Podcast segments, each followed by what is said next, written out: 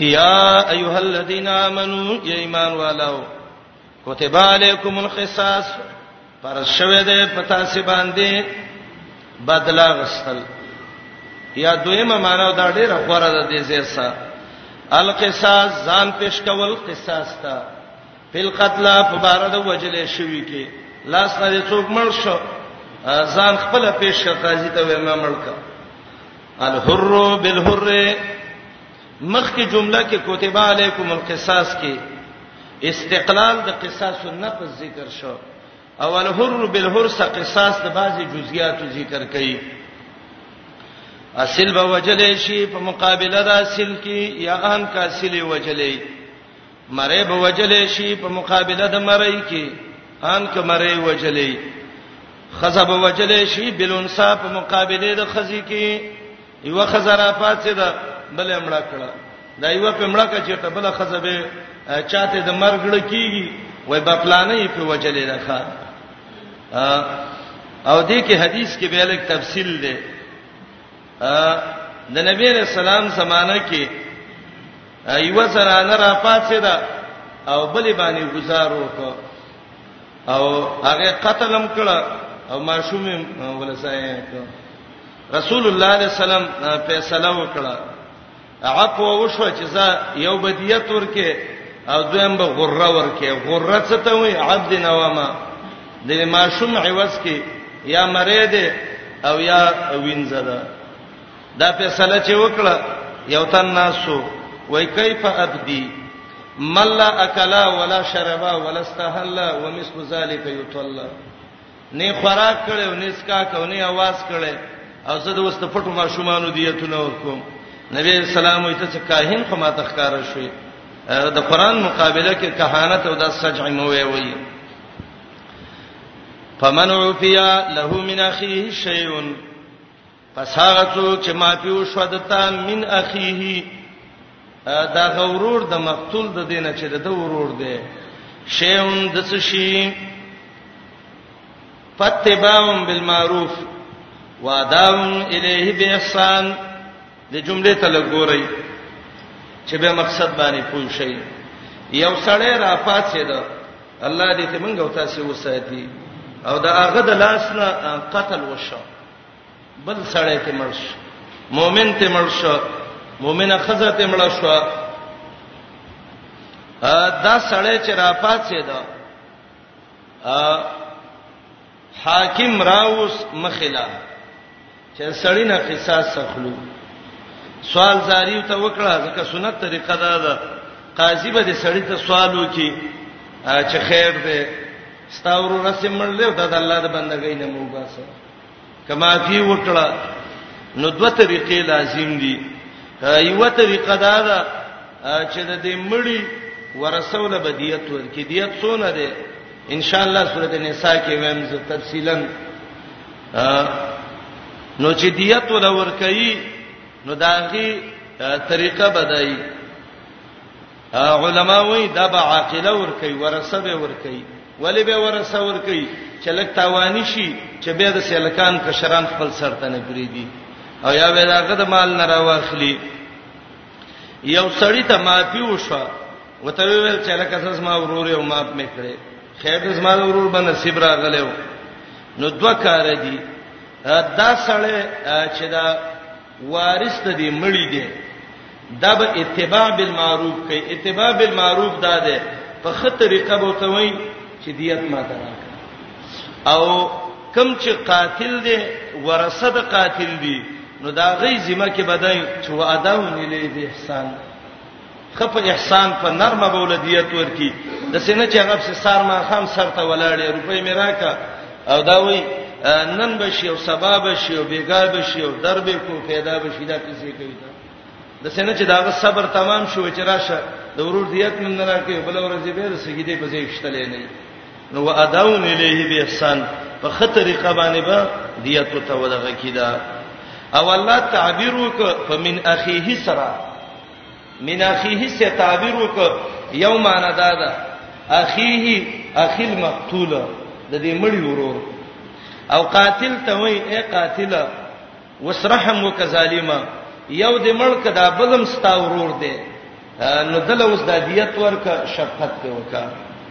او دویم دا چې اخیه سه تعبیر وکولې انما المؤمنون اخوه مسلمانان ټول څه دي ورونه دي او دې کې دې ته اشاره ده چې په قتل النفس سره نه کافر کیږي چې دا څه شي خارج عن الملت شي ځکه چې چیرته دا کافر شوی وي نو الله اخیه نه ویلي ځکه دا مؤمن دی او کافر دی نو کافر د مؤمن چرته ورور کې دی شي نو اسمانه وکي فمن عفی له فساغتو چې معافي وشواغه تا عفو خپل معنی د ورانول قصاص ته وران ک ززن نه څنګه غواړم من اخی دا غورور د هغه چانه چې ورور وجل شوی دی من اخی من اخی المقتول معافي وته وشوا شیون د څه شي څه شي کې دوه معنی دي یو دا دی چې قصاص ته نه عالم دویم دا دی د څه شي معافیو ته وشو ذالک سلو خان دی پلانی شل می تفریق خود اتیاو خان برا کړه دم شیون دی یا معافی د څه شي وشو هغه دا دی لس ورسدي او د دې پلار چا ملک او دې ټول ویل چې موږ ته قاتل وجنو یو تنوې جسمه طرف عفو شو اسلام کې دا قانون دی د سینې کیږي چې دا سړی نه هي سیمړ کې او لسمې سره ژوندې پری دي محمد رسول الله علیه السلام وی د ادنا په عفو باندې به اعلی ما کیږي به بده شي کیږي سړی نه بدیت غسته کیږي دا دیت به نه هي شي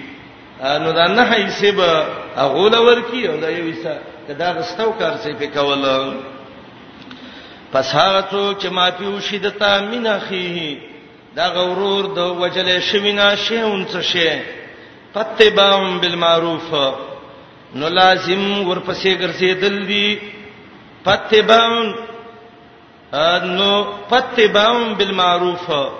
نو لازم دی ورپسې ورګرځیدل په دې وارث باندې بالمعروف په خې طریقه باندې معروف څه دی عدم تشدد فی المطالبه دا مطالبه باندې کې شابه پیسې راکاو زر کاو او دا اتباع بالمعروف د څه د پاره ده لطلب دیه چوته وی دیت راکا مقصد دا دی ای ولی د قاتل باندې لازم دي دوه معنی دی آیات کې کوم ګورای وتا اوله معنی خو مې دا وکړه چې د اخیهینه څوک مراد دی او د خنی وای د اخیهینه څوک مراد دی د مقتول ورور د مقتول ورور دته مراد دی دا باندې ډیر وخت زم نه پوهیدم چې دا څه مقصد دی دا په قلاره ته ځکه چې دې پوه شي ګورئ دا دوه ورونه دي یو سړی را پاتې دا, دا یو ورور یې ولمړ کا دا بل څه شو اخیه د مقتول ورور شو دی ورور له شریعت دوه اجازه ورکړې دي یو اجازه ول دا ورکړې ده چې را پاتې دا ورور قاتل دی مړ کا بچا به ته ودرې وی ولا یا باچا به جلاد ته وای چې سړی ووا ته به ولاړې دا یو طریقه ده او دویمه طریقه یو ته دا ویلې ده دغه سړی معاف کا چې د معاف کو دیت بم والی او الله به اخرت کې استاد هر اندام د د په عوض کې ستا یو اندام د جهنم به خلاصي دا فضیلت هم ده مولانو ته مسالې وکړي خیر ده معافي کا معاف بس هغه ول د الله لپاره مې معاف نو دلته دوه کار دي یو مطالبه به د مړی دا ورور کوي دا د پوره تعلق ساتي هغه دا دی چې پتباون ورپسې کېدل دي د دې ورور د دې مقتول په چاپ سي په دې قاتل پسې بالمعروف په خطرې قیمته مطالبه کوي چې زما پیسې راکړه دیته او اداون الیه به احسان معنی وعلیه اداون به احسان هغه به په خطرې قباله دغه کوي دا یو طریقه ده چې د اخیه نه څوک مراد ده اخیر مقبوله دویمه طریقه د اخیه نه مراد ده اخیل قاتل څه شی ته مراد ده ورور د قاتل د سړی قتل وکړه دا سړی وجه هغه ته معافي وکړه نو چې معافي وکړه نو هغه احسان وکوي نه کو وې کنه نو د دې قاتل ورونه چې دي قومین چې دي عاقله چې ده نو په دې باندې دا لازم دي چې دا به ورپاتېږي دا سره به غریوان نه ونی شبه پیسې را واخلا او پیسې مخ کې ورکه غره چې دا غي د مطالبه نه ته مخ کې پیسې ورورسه ځکه احسان یې کړی دی او د سینې چې احسان نه سبب فساد جوړ نشي نو به به معنی د شي فمن عفی له چاته چې معافي او شو من اخیه د ورور دا غینا شیون څه شی فتباعن لازم دی ورپسې کېدل د ورور د قاتل بالمعروف په خې طریقې باندې چې دیت والی او چاله ورکی مقتول واداون علی الیه باحسان من وعلیه اداون الیه باحسان فولنی معنی ډیره واضحه ده او دا پتباون دا فرغله دا, دا جزاء د شرط ده فمن عفیا نو فعليه اتباع بالمعروف چاته چې معافي وشو نو فتباع بالمعروف نو لازم دي ورپسې ورګرځیدل بالمعروف په خې طریقه باندې د طلب د دیت د فاره او معروف هغه ده چې د شریعت سره برابرۍ او مطالبه کې به تشدد نه کوي السلام علیکم تعال کولو پخپلو دعا غانا حتا ته وعداهم الیه باحسان واداون معنی وعليه اداون او فقاتل لازم دی ورکول الیه دغه ورور د مقتول ته د دیت ورکول به احسان په خې طریقه باندې خطرېقې دوه دي یو دا چې پوره دیت ولور کی او دویمه خطرېقې دا د بغیر مطالبتین چې داغه د مطالبین مخ کې ول دیت ورکی ذالک تخفیف من ربکم دې ته فائدہ د قصاص وایي فائدہ د عفو وي او دې ته د الله احسان وي ګوره ینه توې شو او الله د غینه په پیسو معاف کړه دا د الله سانته دی کنه ذالک دا تخفیفونه سانته دی درفستا سينه رحمت دی پمن اعتدا بعد ذالک چا چې زیته وکړه دینه رستا اعتدا کې دا اعتداء څه ته وایي عبد الله ابن عباس رضی الله عنه او د قتاده قول دی چې اعتداء دا ده چې قتل القاتل بعد اداء الدیه دیت ورک چل کې ته پیسې واغستې چې مات مې کړې ورسره فاسد به قاتل ویشته نو دا کار چې چا وکړ نو الله وې د خدما په حکم زیته وکړ زبدل عذاب ورکم فله عذاب الیم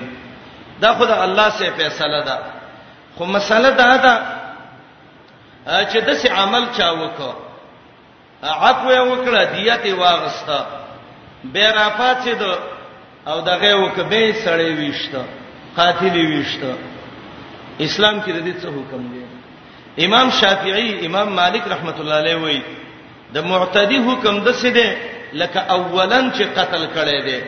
به هغه قاتل چې د وجل او داغه ورسول به اختیار دی کدی سړی نه قصاص اخلي وجنی بیرته نو هم شي وجلې او کدیت ته اخلي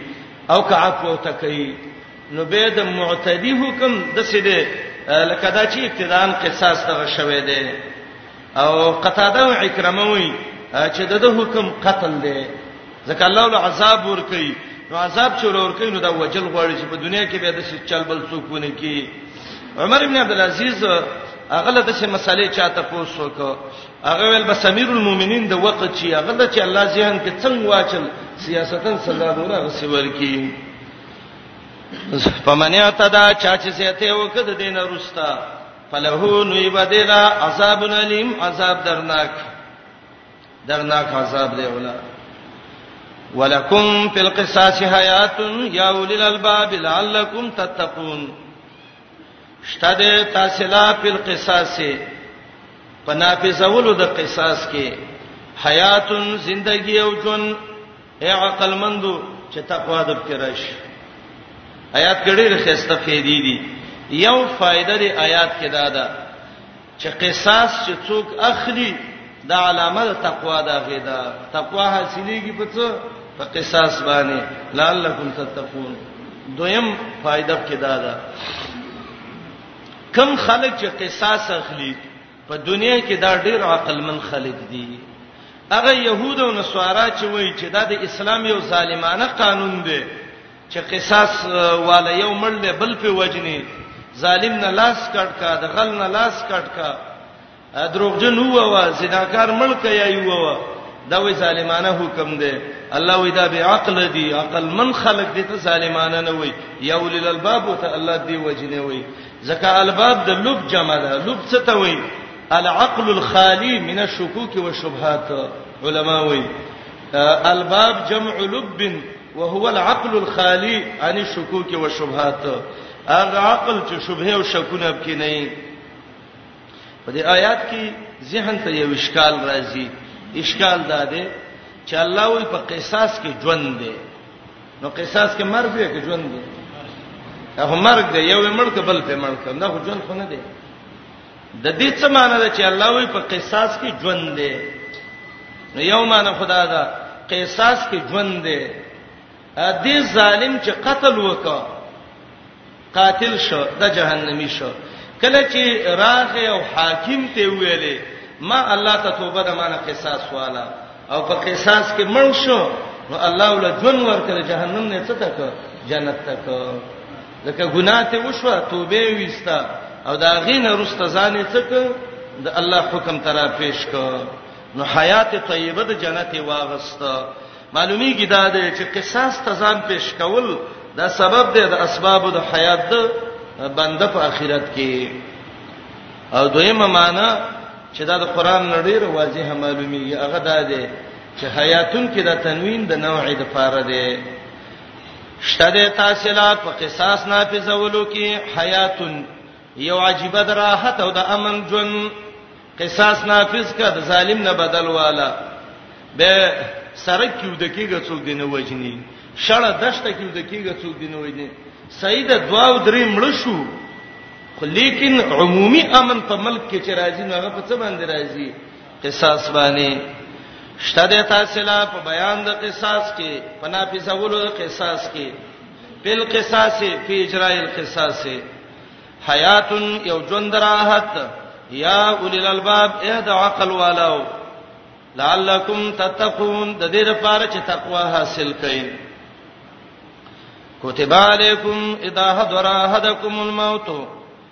ان ترک خیرا للوصیه للوالدین والاقربین بالمعروف حقا علی المتقین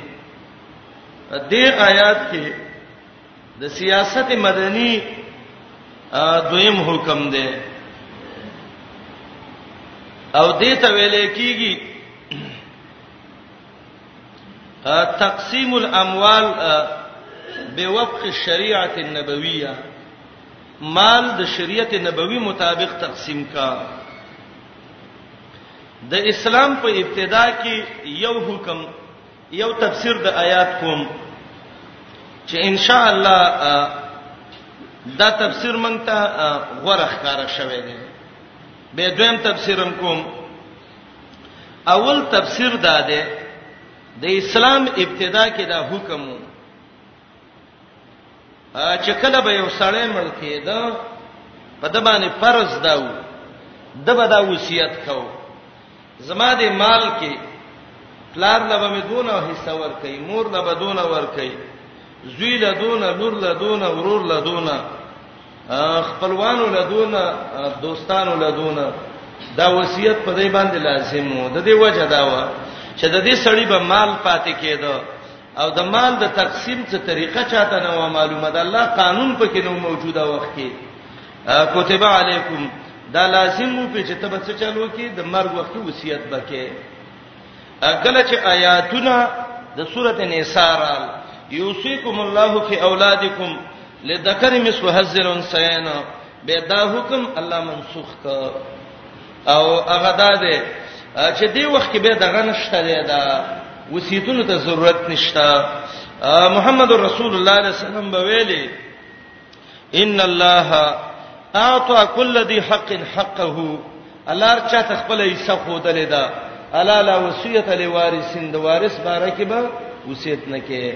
دا الله دې عجیب قانون دی بس مونږ به امننا وسلمنا او ته ویو مثلا زما پلار دی او دا مړ کیږي نو دا د سینې شي ویلې چې زما دی بچی د زما دی مال کې دونه یې سور کوي ځکه زما یې سره الله خو دلې دا ته پر دې سره یو د سی ویلې چې زما دی بچی د مال کې د پلاني طالب لا د پلاني مولا له دونه تشکي ور کوي درې مې سبب ور کولې شي وصیت اجنبی د شته دی لیکن وصیت د وارث د پاره نشته دی ډېر خلک د څه چلو کی د سپینګری یا نور یو بچی غول له خدمت مزمت وکي بده ولنه کوي ځکه ټول خلک یو شان نه نیک بختی الله د ټولو په دغه کې نه لیکلی نو دا به د څه وکي د خپل مال ټول په یو پسې ودی کی کله د سیو کې خپټې دا مې پلاني لور کابل مې پلاني لور کو اسلام کې زما ورونو دا ټول د ګناه کارونه دي دا ګناه ده دا باندې کیږي دلیل دا ده نعمان ابن بشیر رضی الله عنه ده صحیحانو روایت ده دا نعمان وی وای زما د پلار دوه خزې وي یا درې وي او د دې وی مور نه زی وازیو ما او نورونه مې د بلې مور نه وو او دا مور مې وای د پلار ته یو خبره وکړه بشیر ته چې د سیمه ربانی یو کده د بخاری او مسلم روایت ده دا زوی دی وستوي ده لکه څول ورکه خیر ده کته سبانی نو د بلاس کې شي نه هغه ول سید وای څول ورکم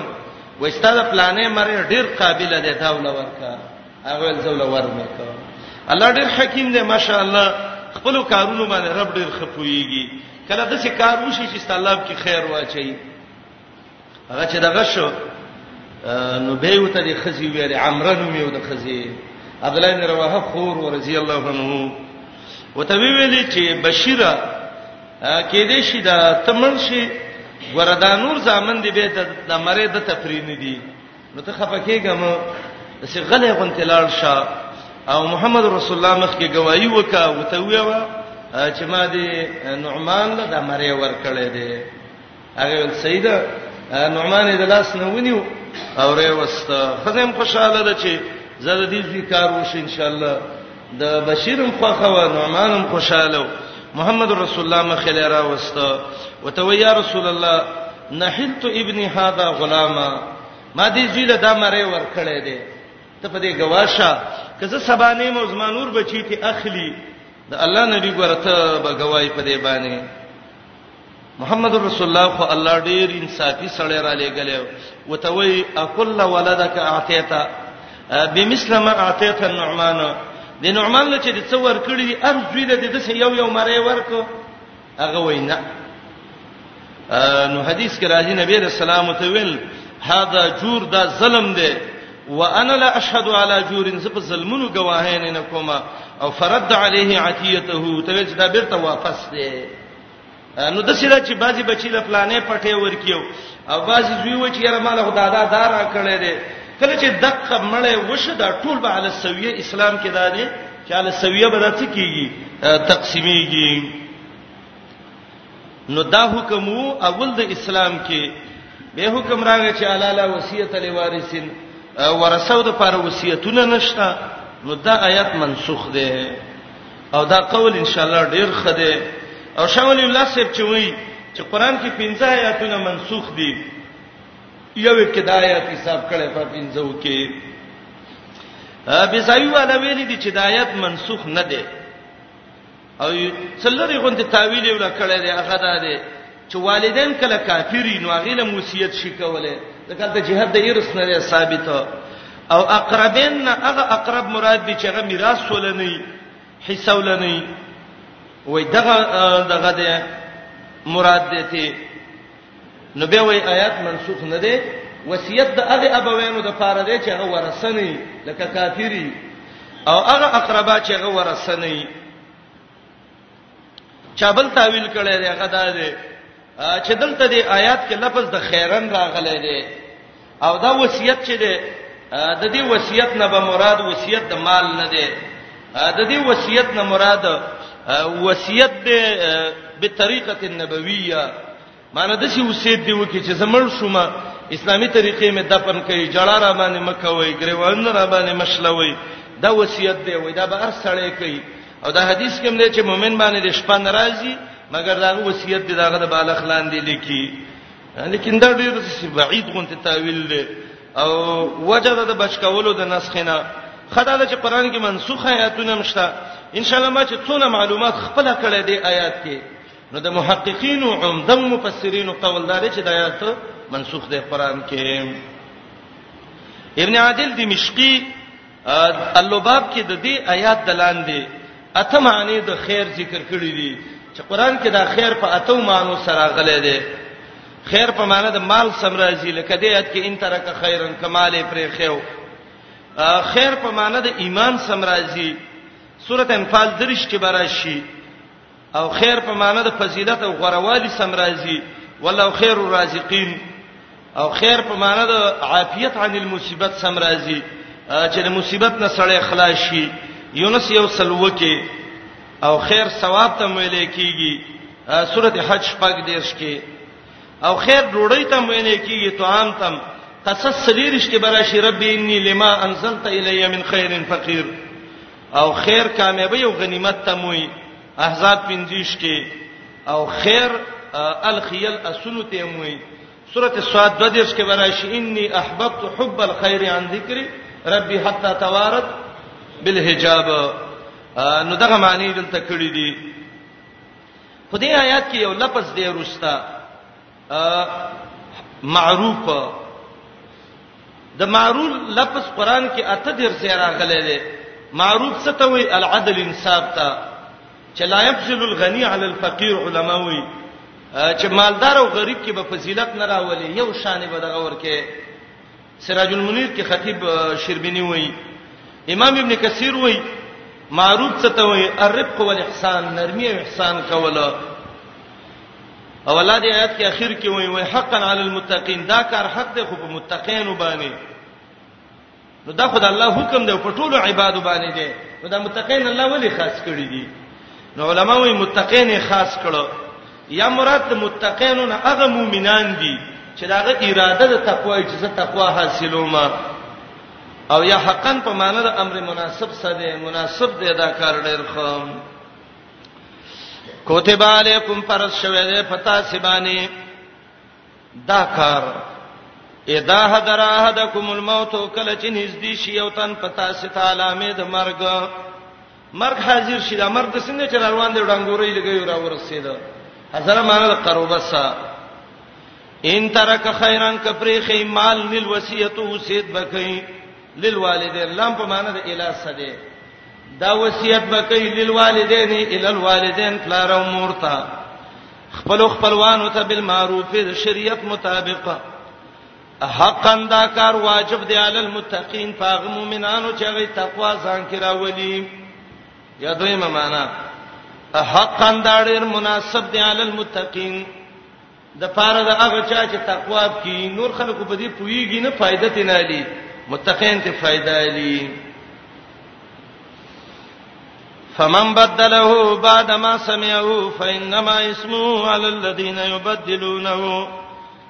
ان الله سميع عليم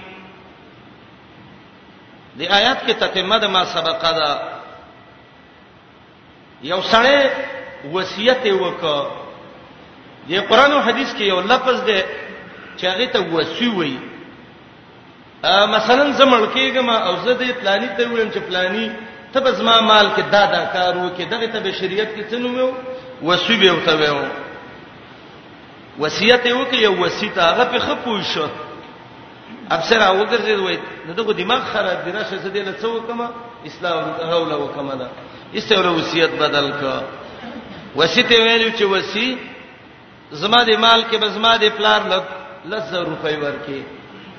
هغه ویل چې ما ته ویل چې پلار له مې لږ روپۍ ورکې او دا نورې به تجب کې کې سیو ټکې کیسې جوړې کړې کنه مزه او ځان په لړ زر خوريږي الله وي د ډېر ګناګار دی الله یې نه الله په خویا دی ورته وصیت چې دی کوي خو یو پټ عمل دی کنه نو دا سړی خو ذهن کې دا چې په ما څوک پوهه دی او څوک مینی نو الله ته ویل زه د باندې پوهه مو زه دې څه کوم خبر اورم وینم الله او دا وصیت چې دا به د درېمې حصے نه د اجنبي د پاره زیات کې نه نافذيږي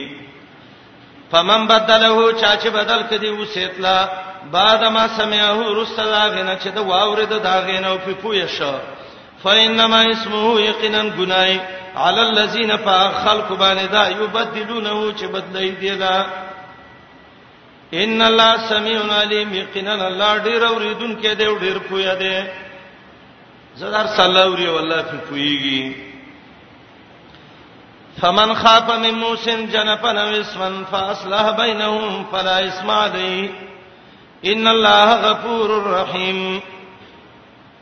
دی آیت کې اوس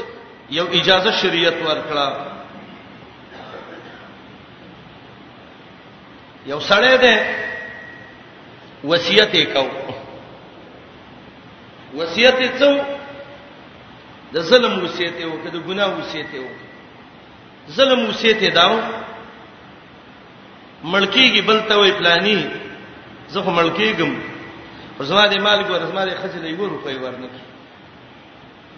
زما د پلاني بچی له روپۍ ورنکې زما د پلار دې دا بډیر سی راځي خو چې یو روپۍ ولا ورنکې زیاتی وصیت دې کنه د ګنا وصیت وکړه زمړ کېګم زما پیسې برا والی یو قاتل له به ورکه پلانې مؤمن به په ملک کیستا زما پیسې برا والی یو قبر له به ګمبد او شناخت به خزیبه ودروي په یو قبر باندې به مزار جوړ کړي یو قبر باندې به من جوهرانو باندې به تقسیم کړي دته وصیت د اسم وایي د زیتی باندې پوښو او په دې ګناکار باندې پوښو د دې اصلاح دی وکي اصلاح څه ده د ګناکار دې نه کوي د دې اصلاح دی وکي اصلاح ده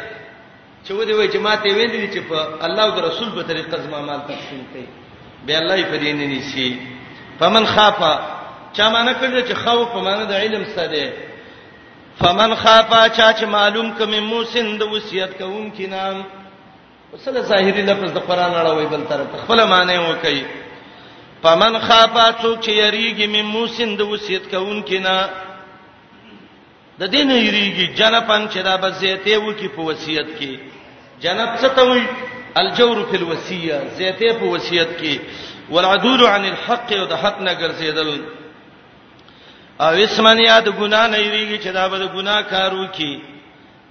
فاصلح بینهم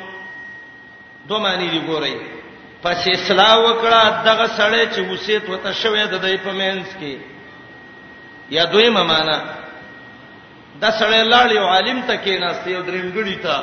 هغه له وصیت اصلاح وکړه چې لکه ته د سیمه وې وغه د سینه وې پس اصلاح کړي وا یو درنګړی سړی د دې په مینس کې نو نشته ګنا په دې باندې اولما نړۍ راغره ده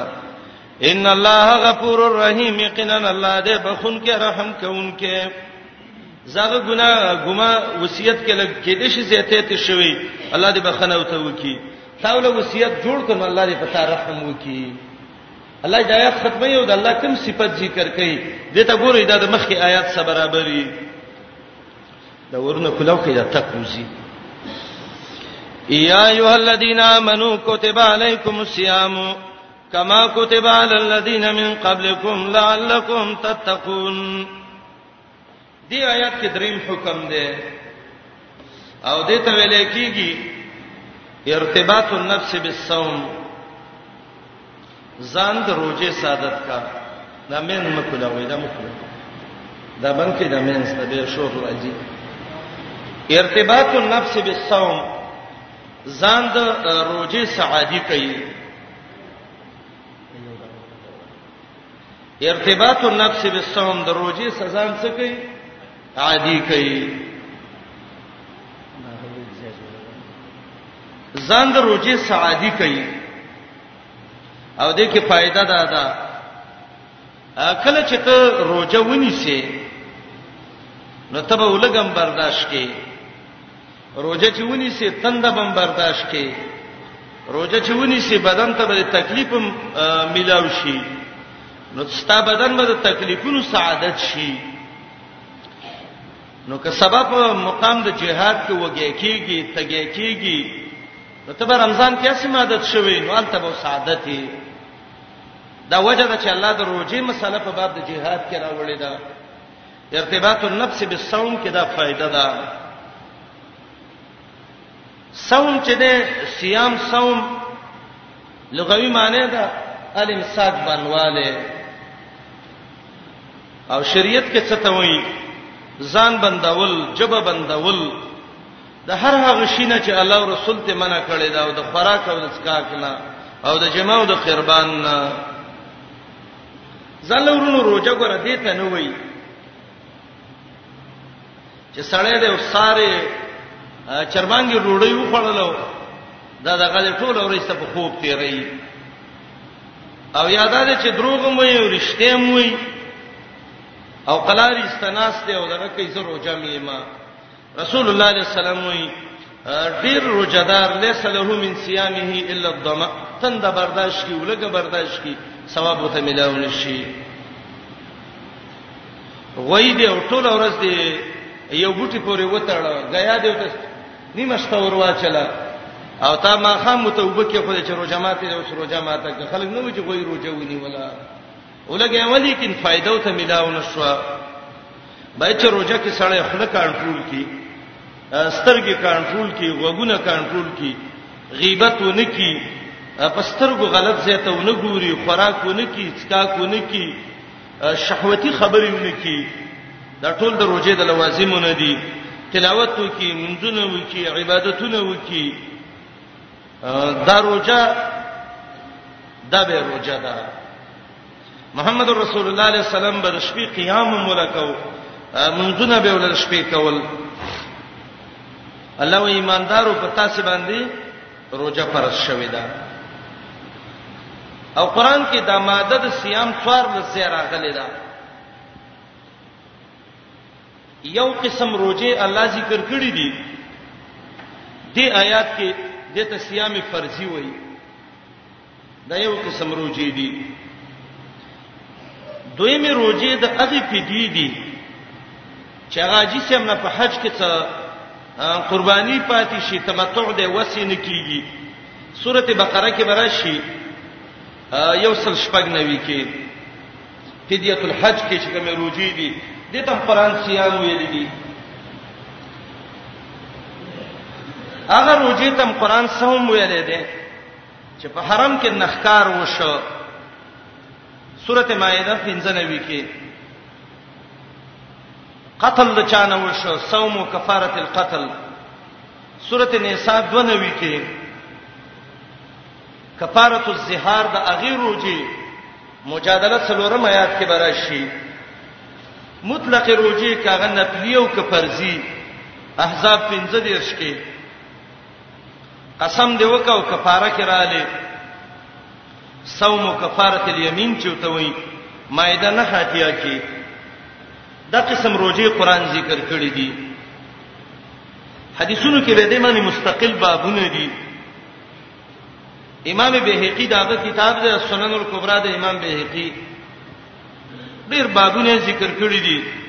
د رمضان روزه به محمد رسول الله عليه السلام نیولې دا یو یوم الاثنين یوم الخميس روزه به نیوله دا دوا ایام البیز روزه به نیولې دیار لسمه څوار لسمه پنځل لسمه ذل حجې روزه به نیولې عاشورا کې به روزه نیولا کله به یوم الاربعاء یوم الخميس روزه ونیولا کله یوم الخميس یوم الجمعه یوم السبت روزه به ونیولې کله به دونه روزي ونیولې عائشه رضی الله عنها یې مونږ به چې دې بالکل روزي ما تعین خاص کر دا د یوم الاثنين او یوم الخميس دوشنبه او پنځشنبه د ورځې روزي به نیولې وای په دې ورځ اعمال د خلکو برخیږي مال دا خوان راکې چې زما عمل نامه ویسی او پکې لیکلي چې نن روزه ده بای دا موږ تاسو دغه کو دا روزي ونیسو موږ خو صرف روزه دغه در رمضان روزه ته شوې دي او د رمضان المبارک روزي نه نه دغه نه دي اسلام کې چې ډېر روزي شریعت خود لیدي مؤمن چې کله روزداري الله غل ډېر خیر ور کوي ابو ذر غفاری ویلو یا رسول الله صلی الله علیه وسلم ته چې وی چې محشر کې دونه ګرمي ده به مونږ څه کوو نبی رسول الله متوي سم یوم الحر الشدید سخت ګرمۍ کې روزي ونی صلی الله علیه په حشر ګرمي رب العالمین بدغه کې له ختمه کی کم به واده الکانو به واده جنکې چي دي رسول الله علیه السلام به حدیث عبد الله مسعود کې راځي مشکات کې وته ویل روزي نسي یا معاشر الشباب من استطاع منکم الباء فليتزوج اے د ځوانانو جماعت الکانو جنکو دواړو ته شامل دي کله چا د واده وسین واده دی وکی حسکر ځوانان ته رسول الله سلام دا تقریر کړو فإنه غسل البصر نظر په خکته کیږي واحسن للفرج انسان په پاک دامن کیږي او من لم یستطيع کله چا وسنی د واده وسی نشته غریب دی سبقونه وی جوړ وته نه دی نو فعليه بالصوم روجي دی ونی سی فإنه له وجا دا ول قطع د قوت شهوانی کوي د فواید د رجوع علماء ډیر کتابونه دی باندې لیکلي دي الله و ایماندارو دا روزه د باندې لیکل شوې ده کتب خپل معنی لیکلو ته وای جمع ته وای الکه وی فلانی وی یو لیکل فرمان را لېګلې ده نو الله د روزي بارکه وی چې لیکل فرمان د ته در لېګم یا ایه الذین آمنو کتب علیکم الصیام جبرئیل محمد رسول الله علیه السلام ته وی روجي میاشت رمضان چې چا باندې تیر شو او د دون اعمالو نکړو چې جنت د تلو والا جوړ شو الله دې تباہ او برباد کړي محمد رسول الله علیه السلام وی امین الله دې دعا قبول کړي بهترین عمل له په اعمالو کې چې هغه ته صوم وي ارتباط النفس بالصوم بل روایت کې راځي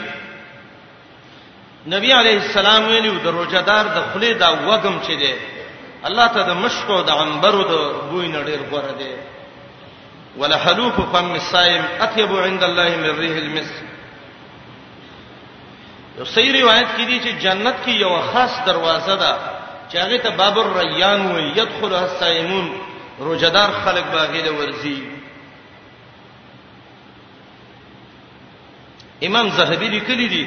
چې د بعضی سلفو د سیو چې د روزې نه مخکې به شپږ میاشتې جړلې چې الله مونږ به دې عمل میاشتې ته ورسیږو کنه او چې روزې میاشت به تیر شو شپږ میاشتې به سبه جړلې الله زمونږ عمل به قبول شوي یو کنه به قبول شوي مونږ تاسو روزه صرف د دین عبارت ګرځولې ده خله بنده کا خوراک مکه او اسکاک مکه انور شهر ته کیننه خاص دا روزه چې دا دته شهر القرآن وې دا د قرآن میشته دا میش چې بشوا جبريل براته محمد رسول الله صلی الله علیه وسلم ته قرآن وې کم کال چې مړ کېدو نو دوه ځلې ته ختم وکړو الله وې پتا سره روزه فرض ده لکه څنګه چې مخکینو باندې فرض و د دې جملې نه دا معلومیږي چې په مخکینو امتونو کې مروجه وا حدیث د بخاری کې راغلی دی رسول الله علیه السلام وی بنی الاسلام علی خمس اسلام چې ده دا پنځو بناګانو باندې آباد شوه دی پنځه ستنې د اسلام دي او دا پنځه دا په دیني کل نبیین بعضو روایتو کې دي د هر نبی په دین کې الله دا پنځه څیزونه شهادت الله اله الا الله اقام الصلاه دا ټول پکیو صوم رمضان یا من قبلکم نه يهود او نصارا مراد دي ستاسو نه مخکینی يهود او نصارا چې دي هغه مروجه فرض وا دا کما کتب علی الذین من قبلکم دا تشبیه په څه کې ده نو یا خدا تشبیه ده په نفس فرضیت کې اے د نبی اسلام امته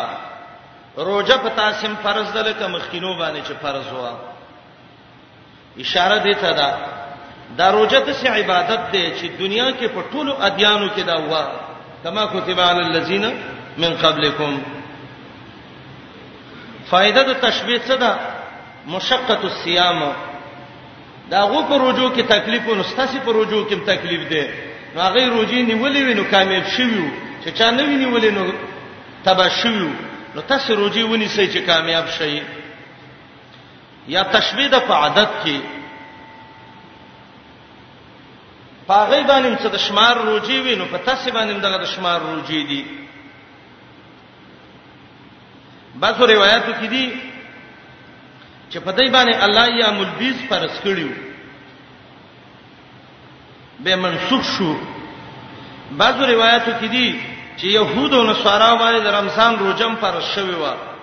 به نسوارو پکې شل نورې زیاتې کړې د رمضان نه ما سیوا نو دا غي 50 ورځې روزه شو نو نسوارو 50 روزې نیولې او يهودو دغه شل ورځې ډیر ورځې چې وي دای څه څه ګاډي وړي کړي چا باندې ولې او چا باندې نیولې نو دا تشبیه ده عبد الله بن عباس رضی الله عنه وایي نفس فرضیت کې ده چا دا ویلي د آیات منسوخ دی وایي روزه بنی سي دا غوب شان روزه بنی سي د عاشورا روزه په فرض و ایام البیس په فرض وي خدا قول کمزور دی خدا د عبد الله بن عباس رضی الله عنه تشبیه نفس فرضیت کې د عادت کې نه ده یا ایه الذین آمنوا یا د ایمان والو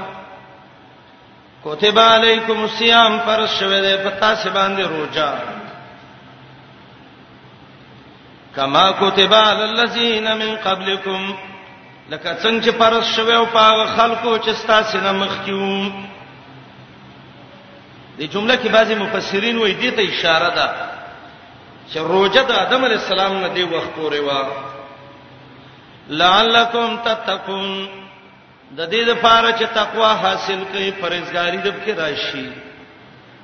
صحیح حدیث کې دی الصوم جننه روزه باندې د ګناهونو نه سړی د څه بچ کیږي لکه ډال باندې چې د دشمن د غشونه بچ کیږي رب العالمین وی الصوم لی وانا اجزی به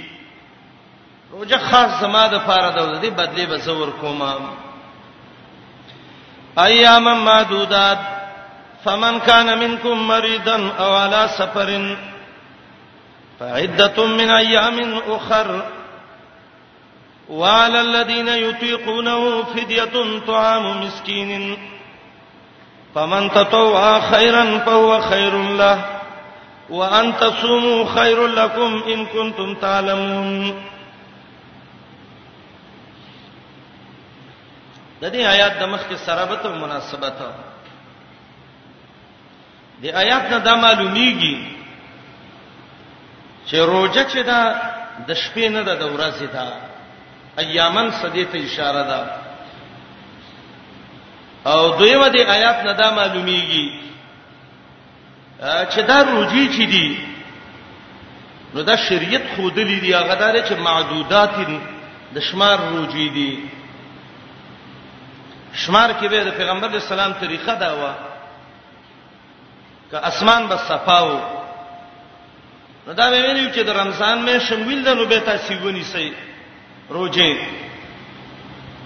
او کله چې اختر راغی نو موسم صفا دی نو د شوال مې شمویل د نو به تاسو اختر کوي سومو لرؤيته وابصروا لرؤيته فإن غم عليكم اوریز شوی اسمان کې بیا دا څه وکړي چې اکمال العده وکي شعبان دیرش پورا کوي او بس اول د رمضان نه شروع کوي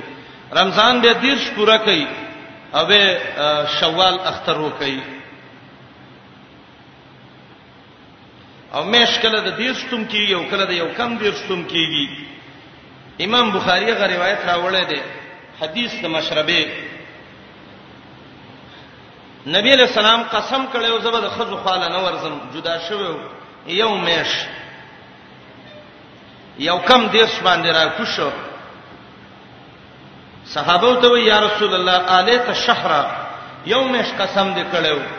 نبی علیہ السلام دا لاس ونیو دا غوته د سیکړې وای الشهر هکذا وهکذا او دریم ځل دا یو غوته ته کم کړو وهکذا د یو کم دیر شتم راځي شهود پکار دی رست راځي فمن شهد منکم الشهر میشت ته حاضر شه مسافر نه دی میشت ته حاضر شه میشتي ویل دلا د میش حاضرواله څه دی چې دا عالم شپه دی باندې نو بیا دا وی حکم دار دا بروجه ونی سي د کې د علماو یو اختلاف دی یو مسله ده چې اختلاف د مطالع له پروژې کې اعتبار شته او کني شته دی اختلاف المطالع دا معنی سعودي کې مې شولې دي شدل ته نه دلیدل شوی افغانستان کې ویل دي شدل ته نه دلیدل شوی هندستان کې ولې دي شو ترکیه کې ولې دي شو امریکا او لندن کې ولیدې شدل ته نه دلیدل شوی آیا هغه لیدلو باندې به د مؤمنان روزي نشي او کنه به نشي بعض علما کوی چې نه به نشي او دلیل روایت د قریب د کوم چې بخاری کې ده الا نکتفی برؤیت ماویہ په دا روایت یو خو موقوف اثر دی د صحابي عمل دی او د صحابي عمل د محمد رسول الله د مرفوع د حدیث مقابله نشي کوله امام شوکانی نه لس توجيهات د دې حدیث کړي دی روایت الا نکتفی برؤیت معاویه التلفظ دا چې حاکثه امرنا من ته محمد رسول الله وې د حکم کړی دی خقول چې دا د امام ابو حنیفه رحمۃ اللہ علیہ مذهب هم دی دا امام مالک هم دی د امام احمد هم دی د شوافی هم د بازو دی د بازو نه دی او دا د جمهور اهل علم مذهب دی هغه دا دی چې اسلام یو ملت دی یو دین دی او کچا مشرق کې مې شویل دا د مغرب والا او د پار رؤیت دی او که مغرب کې ویل دا نو د مشرق والا د پار ځکه الله په من شهیده وي او شهیده شهود کله بل علم او کله شهود سي بل عیني حاضر شي عالم شي په دې باندې دا د څو کې روجي دی ونی سي یو حنفي عالم د زهلي داغه کتاب د الفقه الاسلامي وادلته زهلي هغه کې لیکي چې دا معتمد قول د اهل علم دی زمون یو عالم دی الله دې ولا شهادت قبول کی او صفات شوه دی شهید شوه دی بهترین کتاب لیکل دی موضوع باندې الشمس والقمر بحسبان په دې نوم باندې او ډیر دلایل راجمع کړي دي د ټولو مذهبونو د حدیثونو دا چې لا اعتبار لاختلاف المطالع دې هیڅ قسم اعتبار نشته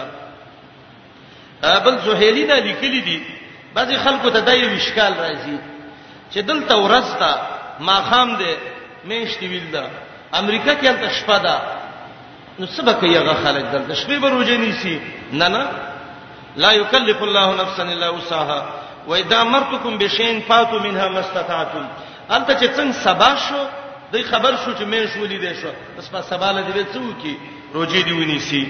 بل زهنی لیکلی دی الفقه الاسلامی کې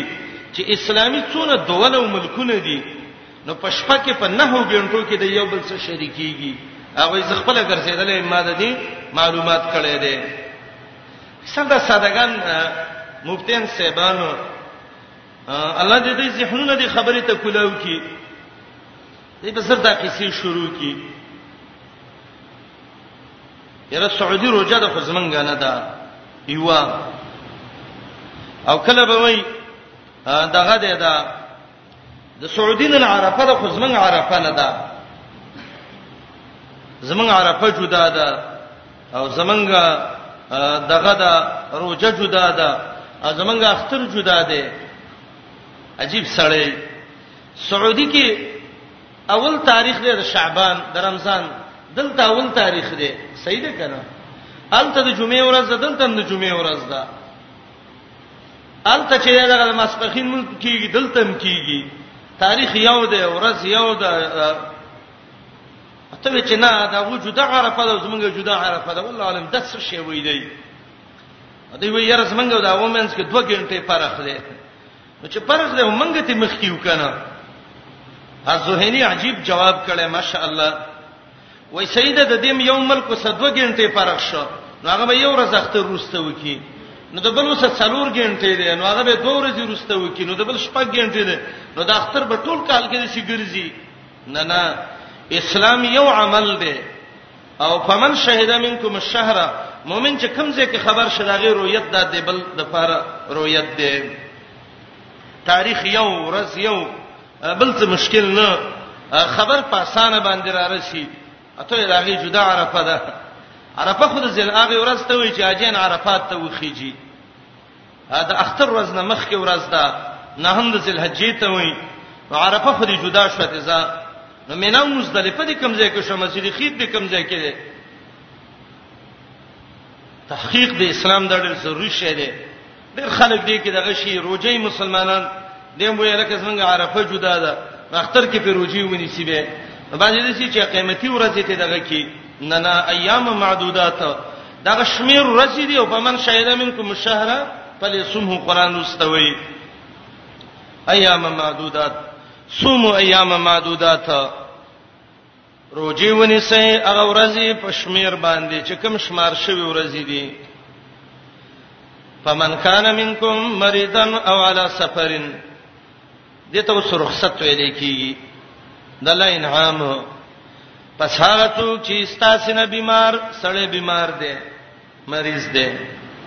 او علا سفرین یا په سفر باندې دی مسافر دی مسافر دی مریض دی هغه مریض دی مصیبت کې اخته دی سفر خو قطعه من العذاب دا عذاب ټوکړه ده الله وی خیر دې تروجی وخره دا غي په عوض به نوري ونیسا فعدتم من ایام اخر پس لازم ده په دې باندې شمار دا ورځو رستنو نورونه پنځه ورځې دی وکړلې پنځه ورځې ونیسا به لس ورځې نه خراب شوې لس به نوري ونیسا دې حکم کې هغه زنانه چې داوی شرعي عذر راشي نو دا غیم دا حکم دی منځونو قضایي په نشته او رجوع پښته دی هغه زنانه چې ایام النفاس شي بعد تولد الصبي نو دا غیم دا حکم دی علما دا ذکر کوي یو زنانه رسله چې ایام الحمل دی او یو خیر ډاکټر وته وی چې تباکی کې ګور کروجی دی ونی ولې دا غیم به دا حکم دی هغه خلک چې دا غو مرزونه د سیدی لکه دا شوګر مرز دی الله دې زمونږ ټولو صحت نصیب کړي چې چا بيخي ډیر شي کنټرول نشي کولای یا د زړه تکلیف یا نور او خیر ډاکټر به وته وایي سر کوڅو کا مډرانو په خله باندې سینې چې باندې ګوري او روجي خوري الکه په سر می درد دی لکه سي بوج دی دا روجه به وخرمه نه دا شیمه کوه به زنانه دغه مرزعه د بچی د پي ور کوي بچی تباکیږي دی وجنه کدا روجي ونی سي شریعت دې ته اجازه ورکړې ده او د خپل مسلمانۍ په بنیاد به ګوري فمن کان منکم مریضان څوک چې ستاسو نه بیمار مرزونه ذکر نه کړو دا کبه و خیر ډاکټر ته حواله ده او علا سفرین یا په سفر باندې سفر هغه سفر شیخ الاسلام وی چې عرب کې سفر حسابول شي سید جن بازار ته وته وي زخه مسافر یې مخه روزه وخره روزه مخره فعدته من ایام اخر پس لازم ده په دې باندې شمار پورا کول دا غورزو رستانو نورونه وعلى الذين يطيقونه فديه طعام مسكين فمن تطوع خيرا فهو خير له وان تصومو خیر لکم ان کنتم تعلمون دې آیات کې دوه تفسیر دي بلکې درې تفسیر دي دا درې واړه کو چې پوښي په امام بخاری رحمت الله علیه وایي وای په اسلام په ابتدا کې دا اختیار الله ورکړو او دا روایت امام بخاری د عبد الله ابن عمر عبد الله ابن عباس علی رضی الله عنهم نه ویم د عبد الله ابن عمر نه نقل کړی دی روزه براله الله اجازه ورکړی و ستا خوخه د روزه دارا که یو غریب له فدیه ورکه او کنه دغه کېدا روزه نیسی دوړو کې تعالی اجازه ده وعلى الذين يطيقونه او په خلکو چې طاقت د روجیم شینی ولې او مالدار هم دي نو فدیه د بدی ورکی چې توام مسکینین مسکین یو وخت مړول دي او یاد روجی ونی سیوان ته سمو خیر لکم دا حکمو ابتدا د اسلام کې عبد الله بن عمر رضی الله عنه وی امام بخاری ته نقل کړی دی چې دا اجازه وکړي څوک فدیه ورکړي او که روجی نسی دواړه جایز دي به دا حکم الله منسوخ کا نو دا آیات هم په هغه آیاتونو پینځو کې دي چې شاور الله سره ته منسوخ ویل دي دا یو تفسیر دی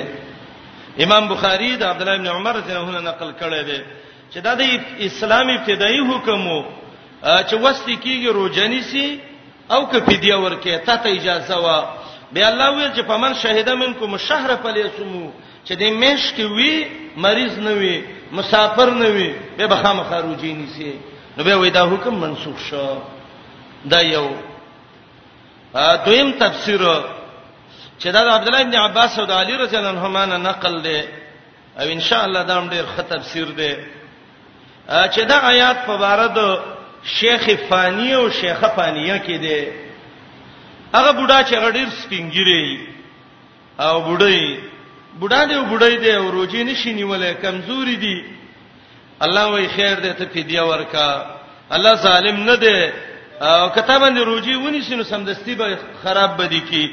دا بچی بډاګانو بډایګانې دی دا دین په ډیر غالیبي